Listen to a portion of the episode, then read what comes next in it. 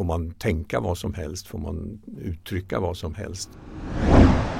Du lyssnar på Samhällsvetarpodden med mig Ursula Berge och sidekicken Monica Engström. Idag ska vi prata om vandel. You all come to us young people for hope. How dare you? How dare you? Hallå regeringen! Hör ni vad vi säger? De grupper och de individer som genomför den här sortens aktioner, de blir i det här säkerhetspolitiska läget nyttiga idioter för krafter som vill Sverige illa. Bortförklaring efter bortförklaring efter bortförklaring. Vi kan ta det efteråt Magdalena Andersson. Kan du få berätta vad som var så roligt för allihopa? Hej och välkomna till Samhällsvetarpodden som leds av mig Ursula Berge, samhällspolitisk chef på Akademikerförbundet SSR. Och dagens sidekick Monica Engström, jurist här på förbundet. Vår gäst idag är Tommy Iseskog som också är jurist men med inriktning på arbetsrätt. Välkommen Tommy! Tack så mycket! Ett ålderdomligt juridiskt begrepp, vandel, har plötsligt kommit i den politiska hetluften.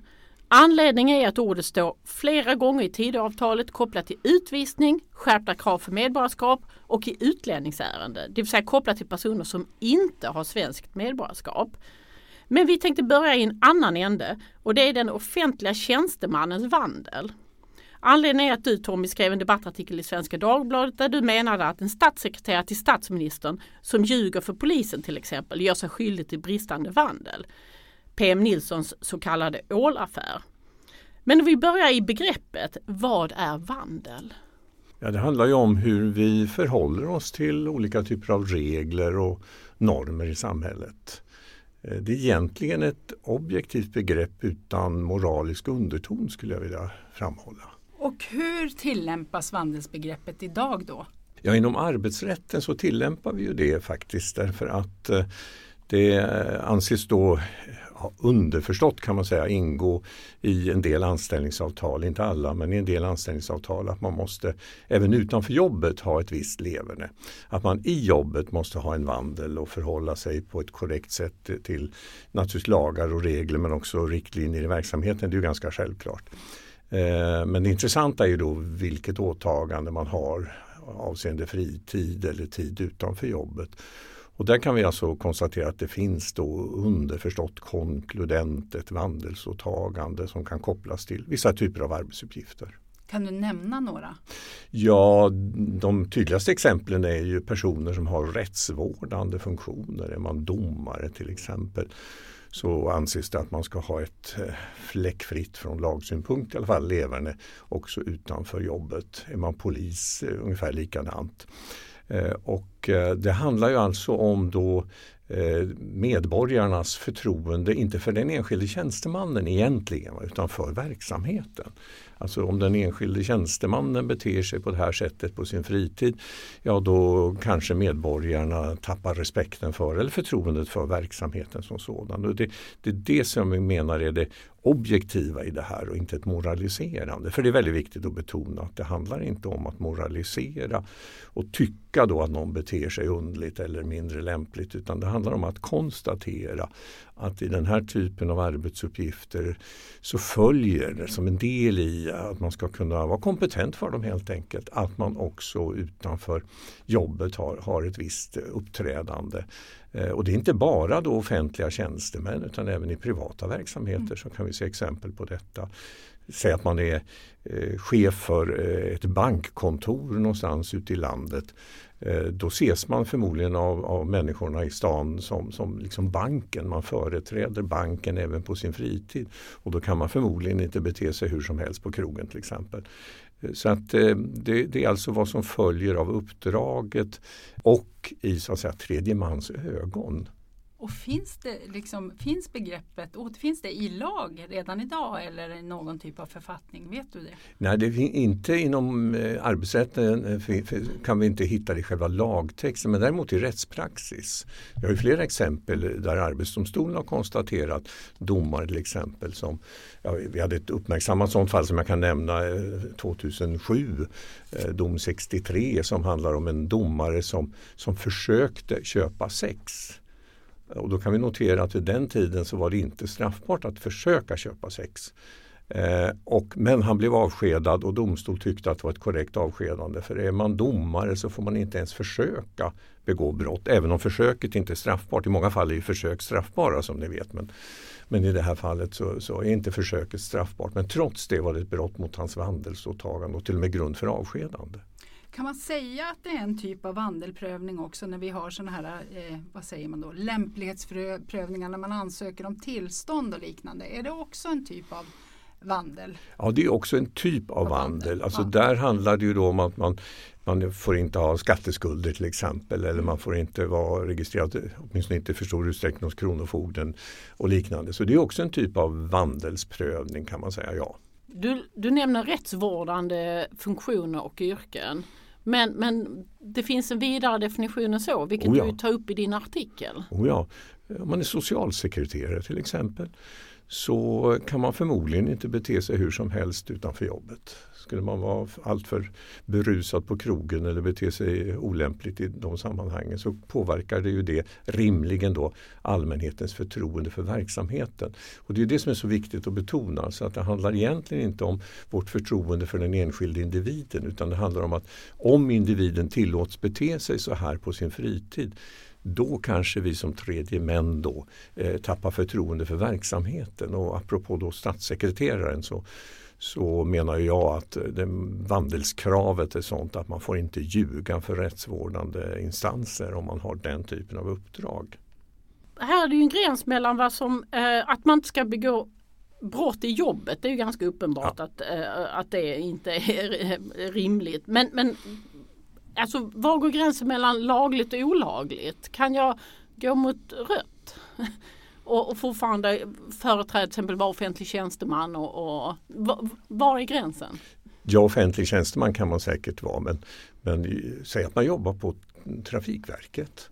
Då kanske man ska vara särskilt eh, mån om att följa just trafikregler. Eh, nu tror jag inte att eh, man där skulle tycka att det eh, skulle vara fel att gå mot röd gubbe. Eh, men eh, det handlar alltså om att man i en objektiv mening kan eh, se och tycka som, som folk i allmänhet så att säga att det här har med förtroendekapitalet för verksamheten att göra. Får man bete sig så här om man företräder den här typen av verksamhet, hur ska man då kunna lita på att den här verksamheten är noga med att följa regler och vad som är rätt och riktigt i juridisk mening? Mm. Och du, du, ehm, alltså offentliga tjänstemän det är ju centralt att diskutera här. Men du nämnde bank som är en privat sektor. Ja. Så att vandels eller skötsamhetskravet gäller också valda delar av privat sektor om eh, ledningen väljer att tycka det är viktigt. Ja, säg att man på ett företag jobbar med hållbarhetsfrågor och sen lever man inte alls som man lär på sin fritid. Det skulle mycket väl kunna påverka eh, kunders förtroende för den verksamheten. Så att eh, det handlar alltså om eh, just tredje mans, medborgarna som det är offentlig verksamhet, kunder om det är privat verksamhet, deras förtroende för verksamheten, seriositeten i verksamheten. En intressant fråga som jag har diskuterat några gånger handlar om om man nu jobbar med HR i ett företag så anses man ju förvalta företagets värdegrund. Betyder det att man också har någon slags skötsamhetsåtagande som avser det privata? Det är en fråga som aldrig har prövats i domstol men som naturligtvis kan diskuteras. Alltså har jag ett uppdrag att, att förvalta en verksamhets värdegrund, ja då kanske jag också måste begrunda hur jag kan bete mig på min fritid. Jag måste ändå ta det en gång till det här med just när det gäller, handlar om skötsamheten och vandeln då och eh, lite grann hur man kan koppla det då till eh, arbetsrätten tänker jag. För, och domarna blir ju ett jätteintressant exempel och då tänker jag liksom, lite grann också kan det spilla över då det här med skötsamhet och vandel i exempelvis då sakliga skäl för, eh, eh som man säger nu för tiden, sakliga skäl för uppsägning. Ja, visst. Ja, Absolut. Som jag nämnde den här domaren i fallet ja. från 2007 så var det till och med grund för avskedande. Ja. Eh, sen kan det ju i andra fall eh, vara så att man konstaterar att det här eh, vandelsbrytande beteendet gör att man blir inkompetent för vissa arbetsuppgifter. hade vi en intressant dom 2006, dom nummer 77 som handlade om en migrationshandläggare på en kommun som på sin fritid begick ett våldsbrott, hade ingenting med jobbet att göra. Men där konstaterade man då att han genom det här beteendet på fritiden blev eh, inkompetent för arbetsuppgifterna eh, med då integration eh, i, i, för, för invandrare. Mm. Och ehm, därmed var man skyldig för sig att undersöka vad som omplaceringsmöjlighet. Nu fanns det inte det så det var till och med då saklig grund som det hette då mm. för, för uppsägning på grund av inkompetens.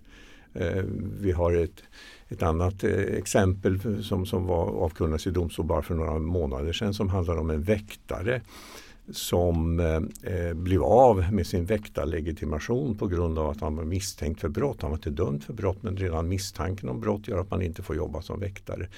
Han jobbade som väktare på en domstol dessutom och där försökte man då hitta andra arbetsuppgifter åt honom vilket inte fanns och därmed var det grund för uppsägning. Så att Självklart påverkar det här både sakliga skälbegreppet och det vi kallar laglig grund för avskedande. Och om man vänder lite på det lite grann och tittar på själva tjänstemannaansvaret och tjänstemannarollen som sådan. Jag vet ju att man nu också pratar om att vidga tjänstemannaansvaret. Att det ja. inte bara kopplat till myndighetsutövning och det där. Och då tänker jag om tjänstemannaansvaret liksom blir större, åtagandet blir mer omfattande. Kommer sådana här saker kunna kopplas till det också? Skötsamhet och vandel. Eh, förstår du hur jag tänker? Att kan det bli också en vandelfråga om jag inte utför mina arbetsuppgifter riktigt på det sätt som jag ska eller tänkt? Eller har det hela tiden med mer förtroendet som så. Men jag tänker att det är en förtroendefråga också. Ja, det är det ju. Men om, om jag då begår ett tjänstefel ja. som, som det formellt då kallas. Då, då, har ju det en koppling till jobbet. Då har jag ju gjort något fel i jobbet mm. eh, som åtminstone beror på, på oaktsamhet. Eh, och, eh, det, för det kan jag bli ansvarig och det kan ju i sig då vara grund för ett avskedande naturligtvis. Eh, eller åtminstone grund för ett konstaterande att man inte längre kan ha den typen av arbetsuppgifter. Och det betyder i sin tur att Eh, utvidgar man tjänstemannaansvaret till att omfatta inte bara ren myndighetsutövning utan även annat. Ja då kan man naturligtvis tala om att man även vidgar det vandelsåtagande som ligger i själva anställningen. Mm. För det också, eller det vi har funderat lite grann kring också, det är det här eh, att om det nu kommer eh, lite mer i lag kring vad som är vandel. Lite fler uttalanden kanske i, i vart fall i förarbeten ja. kopplat till ny lagstiftning och så. Det är ju då om det är så att det här då att det mer konkretiseras begreppet vandel konkretiseras och om det i så fall finns en risk för spridning. Att, det, att vi kommer lägga in annat i begreppet vandel genom att vi går in i förarbeten eventuellt och konkretisera vad vi menar med vandel än tydligare. Ja, det skulle naturligtvis kunna hända om, om man då betraktar de här definitionerna som allmängiltiga. Eh, men vi får väl hoppas att de begränsas till, till respektive rättsområde. Eh, för det är ju naturligtvis väldigt viktigt att se den kopplingen att det kan finnas eh, en typ av bedömningar som kan ha med tillstånd av olika slag att göra. Va? Eh, det kan finnas andra bedömningar som har med kompetens att göra som jag varit inne på. Det kan finnas ytterligare då andra som handlar om att man rent av inte kan vara anställd längre, det vill säga grund för avskedande. Men, men det, självklart är det så att om man på ett rättsområde definierar ett begrepp som då anses ha en, en, en allmännare betydelse och möjlighet till tillämpning, ja då kan ju det bli en, en sån påverkan. Men det hoppas jag verkligen inte. Nej. För det man tänker lite, ja, du har ju också läst Tidöavtalet, det är när vi får in ja. nya skrivningar kring vandel som bland annat handlar om att missakta befolkningen. Ja, och då det... tänker man att kan det vara någonting som Ja, alltså jag får ju rysningar när jag läser den typen av uttryck om jag ska vara personligt ja. uppriktig. Eh, för det är ju naturligtvis väldigt, väldigt viktigt att man i alla de här sammanhangen beaktar de olika grundlagsskyddade fri och rättigheter som vi har. Va? Åsiktsfrihet, föreningsfrihet, yttrandefrihet, meddelarfrihet och så vidare. Och eh, om man då ger sig in eh, i lagstiftningen eh, i att eh, försöka formulera någonting som handlar om missaktning av, av eh, ja, den svenska nationaliteten eller vad det nu skulle kunna vara. Ja, då tror jag att man är ute på jättedjupt vatten. Ja, det låter ju jättespännande här. Alltså, det här du beskriver om hur du har också läst Tidöavtalet. Hur, hur reflekterar du som jurist runt en del av de här eh, formuleringarna som finns? Ja, jag tycker alltså att det är eh, beklämmande Ehm, jag litar på att den svenska utredningsapparaten stoppar stoppar eh, eventuella planer på att eh, genomföra någon slags sådant, sådant eh, vandelsuttryck eller sådan vandelsbedömning. För alltså, när det gäller, handlar om missaktning så kommer vi i så fall att, att hamna i otroligt svåra gräns och definitioner. Alltså, får man tänka vad som helst? Får man uttrycka vad som helst? Som sagt, vi har ju väldigt, väldigt viktiga Eh, grundläggande fri och rättigheter i, i grundlagen och annan lagstiftning. Och, och, och det, det, jag utgår ifrån att det inte handlar om att tafsa på de områdena. Det vore, det vore fasansfullt.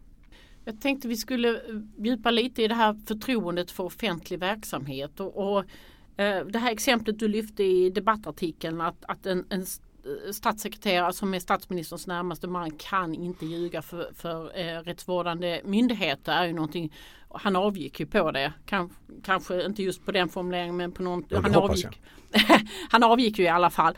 Upplever du att det finns generellt sett ett bristande förtroende för offentlig verksamhet som, som det finns en anledning att, att på olika sätt bevaka? Ja, det tror jag. Alltså, eh, vi brukar ju ibland säga att det finns ett visst politikerförakt till exempel.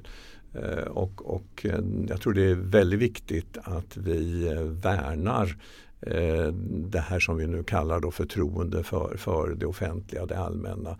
Eh, att vi som medborgare eh, har, har känslan av att vi kan lita på att man, att man tillämpar lagar och regler på ett korrekt sätt, att man beaktar jävsituationer. Och, och där har vi ju en väldigt väl utvecklad ordning i Sverige, det ska vi ha klart för oss. Men det är därför som jag också tycker att det är lite, lite läskigt när man i Tidöavtalet börjar prata om eh, att göra den här typen av vandelsåtaganden som, som mer har med kanske moral och värderingar att göra än som har, handlar om handlingar och ageranden. Och det, det tror jag är jätteallvarligt. Och du nämner här att vi har en väl utvecklad ordning. Har du känslan av att det här Alltså när du skrev den här debattartikeln fick du inte bara hurrarop utan du fick ju också de som ifrågasatte din, dina slutsatser och ditt resonemang. Upplever du att den kritiken eh, har blivit mer? Eller? Ja det tror jag utan tvekan. Alltså, på grund av sociala medier främst kanske så så är det ju idag så enkelt att, att framföra eh, vilken åsikt som helst och få spridning eh, av den för den. Och, och, det gör utan tvekan tror jag att, att olika typer av konspirationsteorier och, och ifrågasättanden av, av eh, demokratisk ordning eh, det har blivit mycket vanligare. Jag tänker jag ska gå tillbaka lite till det du sa det här att vandel eh, är i arbetsrätten då kopplat till förtroende främst.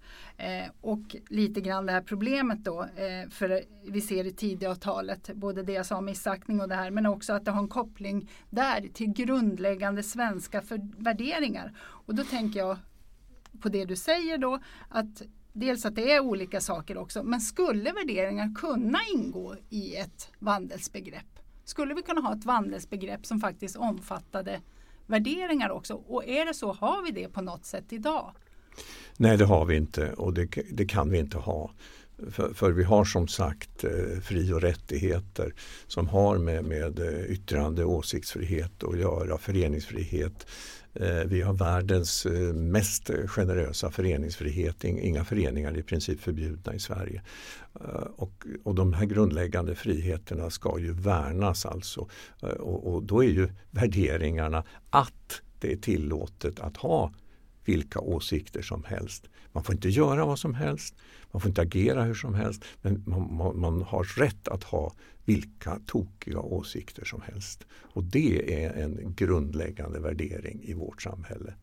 Och det är en grundläggande värdering som är kopplad till att eh, du är eh, svensk medborgare om man får tro lite av vad som står i Tidöavtalet här. För att om man läser Tidöavtalet så föreslås att begreppet vandel ska börja användas igen.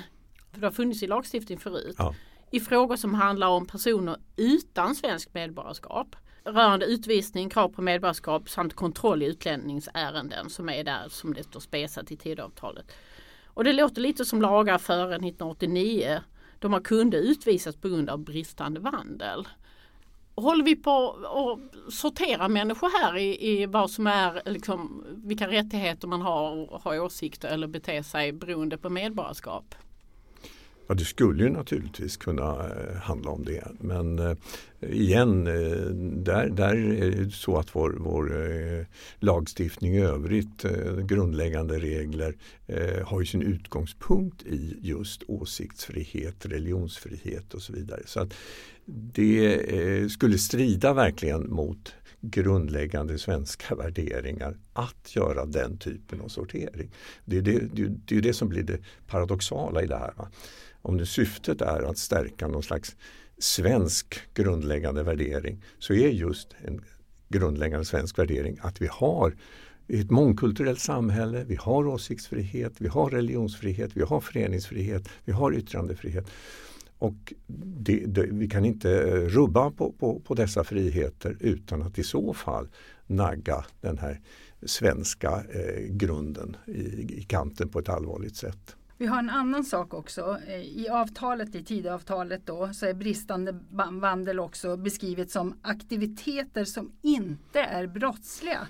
Och så rabblar man upp till exempel prostitution, missbruk och otvetydigt konstaterade anmärkningar i fråga om levnadssättet. Jag tänker så här då, innebär det, alltså för mig blir det då att man skulle kunna hävda att, att vara brottsoffer som jag tänker som prostituerad då är, är någonting som skulle vara bristande vandel. Ja, mm. och det, det är ju egentligen otänkbart. Ja, och det känns problematiskt när vi kommer till nästa också när vi pratar om, vi vet att eh, skadligt bruk och beroende idag är någonting som är, ja, vi ser det som en sjukdom och då är, lägger vi även till att en sån problematik också skulle handla om bristande vandel. Det känns som att vi fyller begreppet med fler saker än vad som fanns i begreppet tidigare kanske? Ja absolut.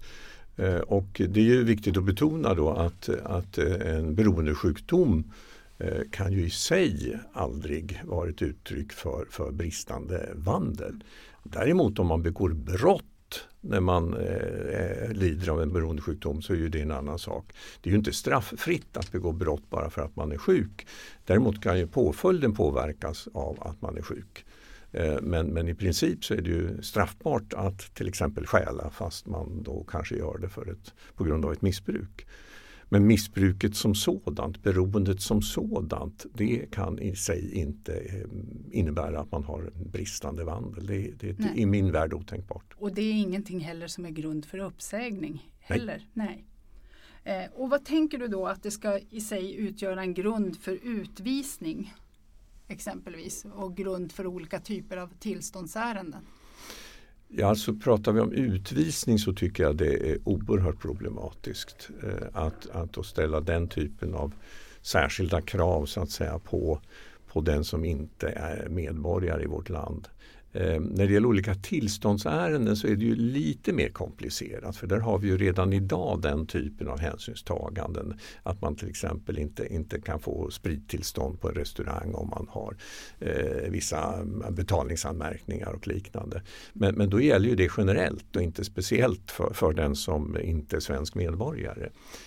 Så att eh, jag tror att det är i grunden är det om, om inte otänkbart så åtminstone principiellt galet att eh, ställa andra typer av vandelskrav på den som inte är svensk medborgare än vi gör på, på oss som råkar vara svenska medborgare. Jag tänkte flika in med en följdfråga där. Idag är det inte förbjudet att tigga. Men det pratas ju om ett tiggeriförbud. Skulle det kunna vara bristande vandel i en sån kontext att tigga, det vill säga att vara fattig? Blir, blir inte bara Eh, det här med att vara brottsoffer, prostituerad, att vara eh, omfattas av en, en eh, sjukdom, det vill säga missbruk, utan också att vara fattig som en definition på bristande vandel.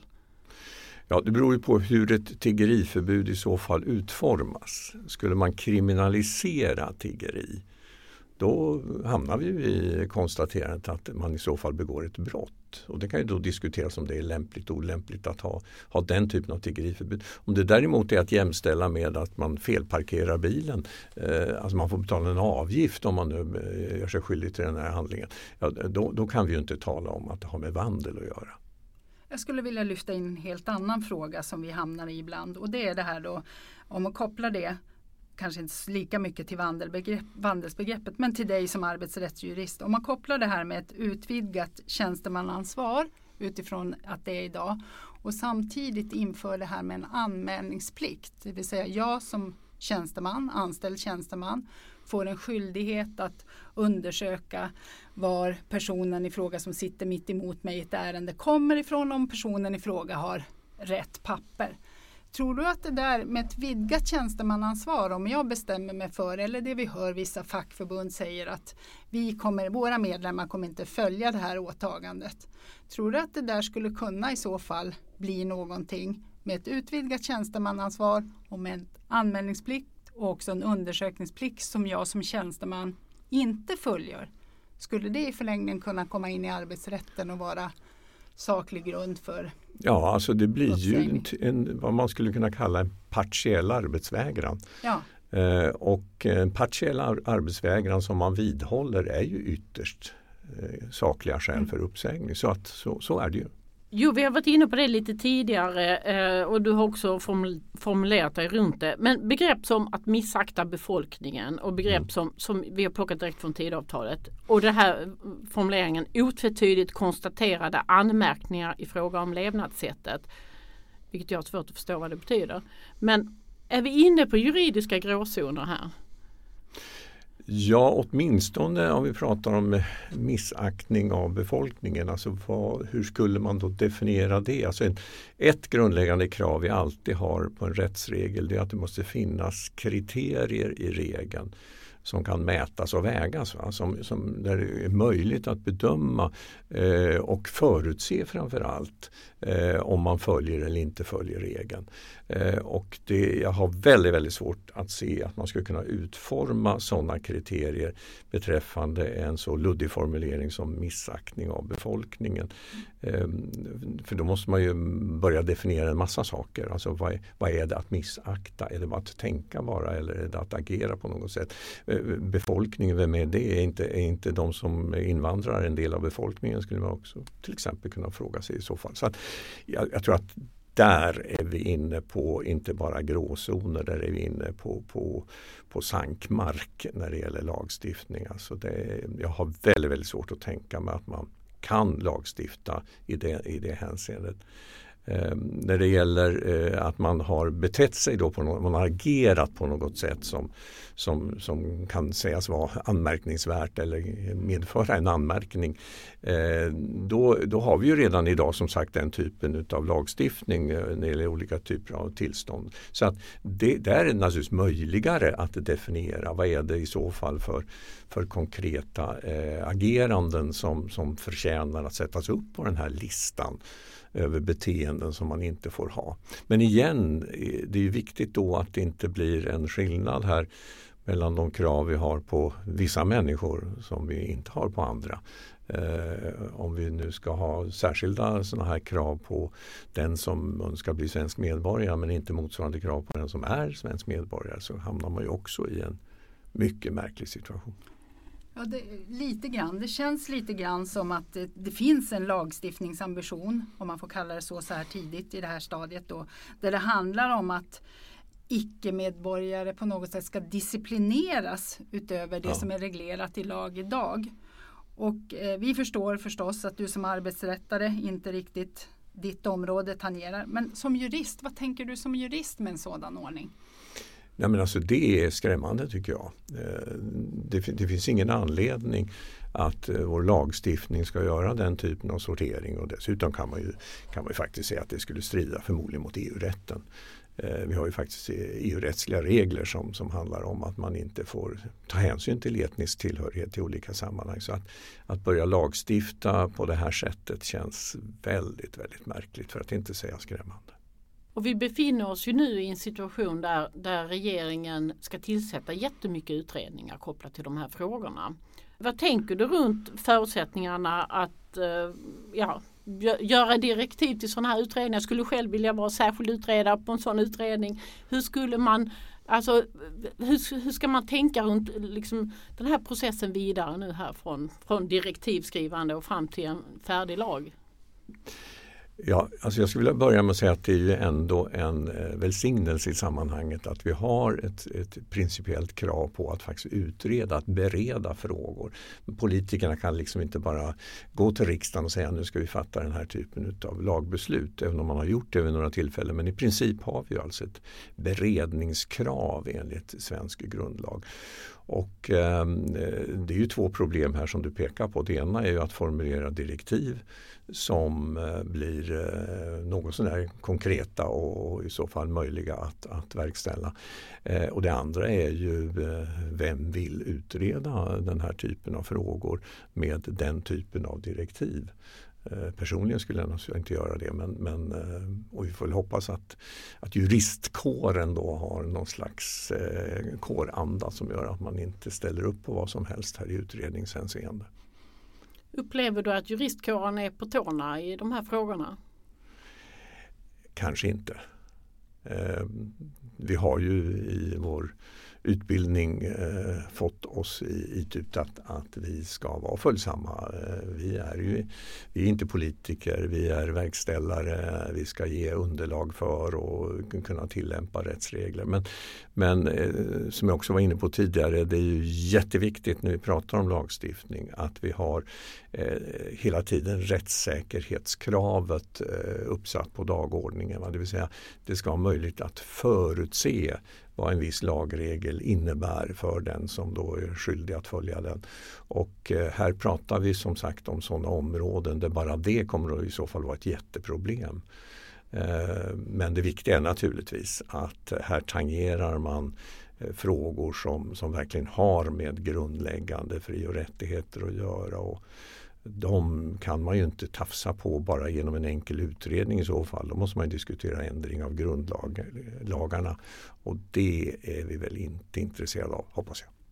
Nej, inte vi i alla fall. Men hur tänker du runt eh, uh, jurister är som jurister är. Jag är inte jurist så jag kan säga det utan att skämmas. Men va, hur tänker du att, att det övriga samhället och opinionsbildningen som, som vill, vill stå upp för ett rättssäkert Sverige ska agera nu?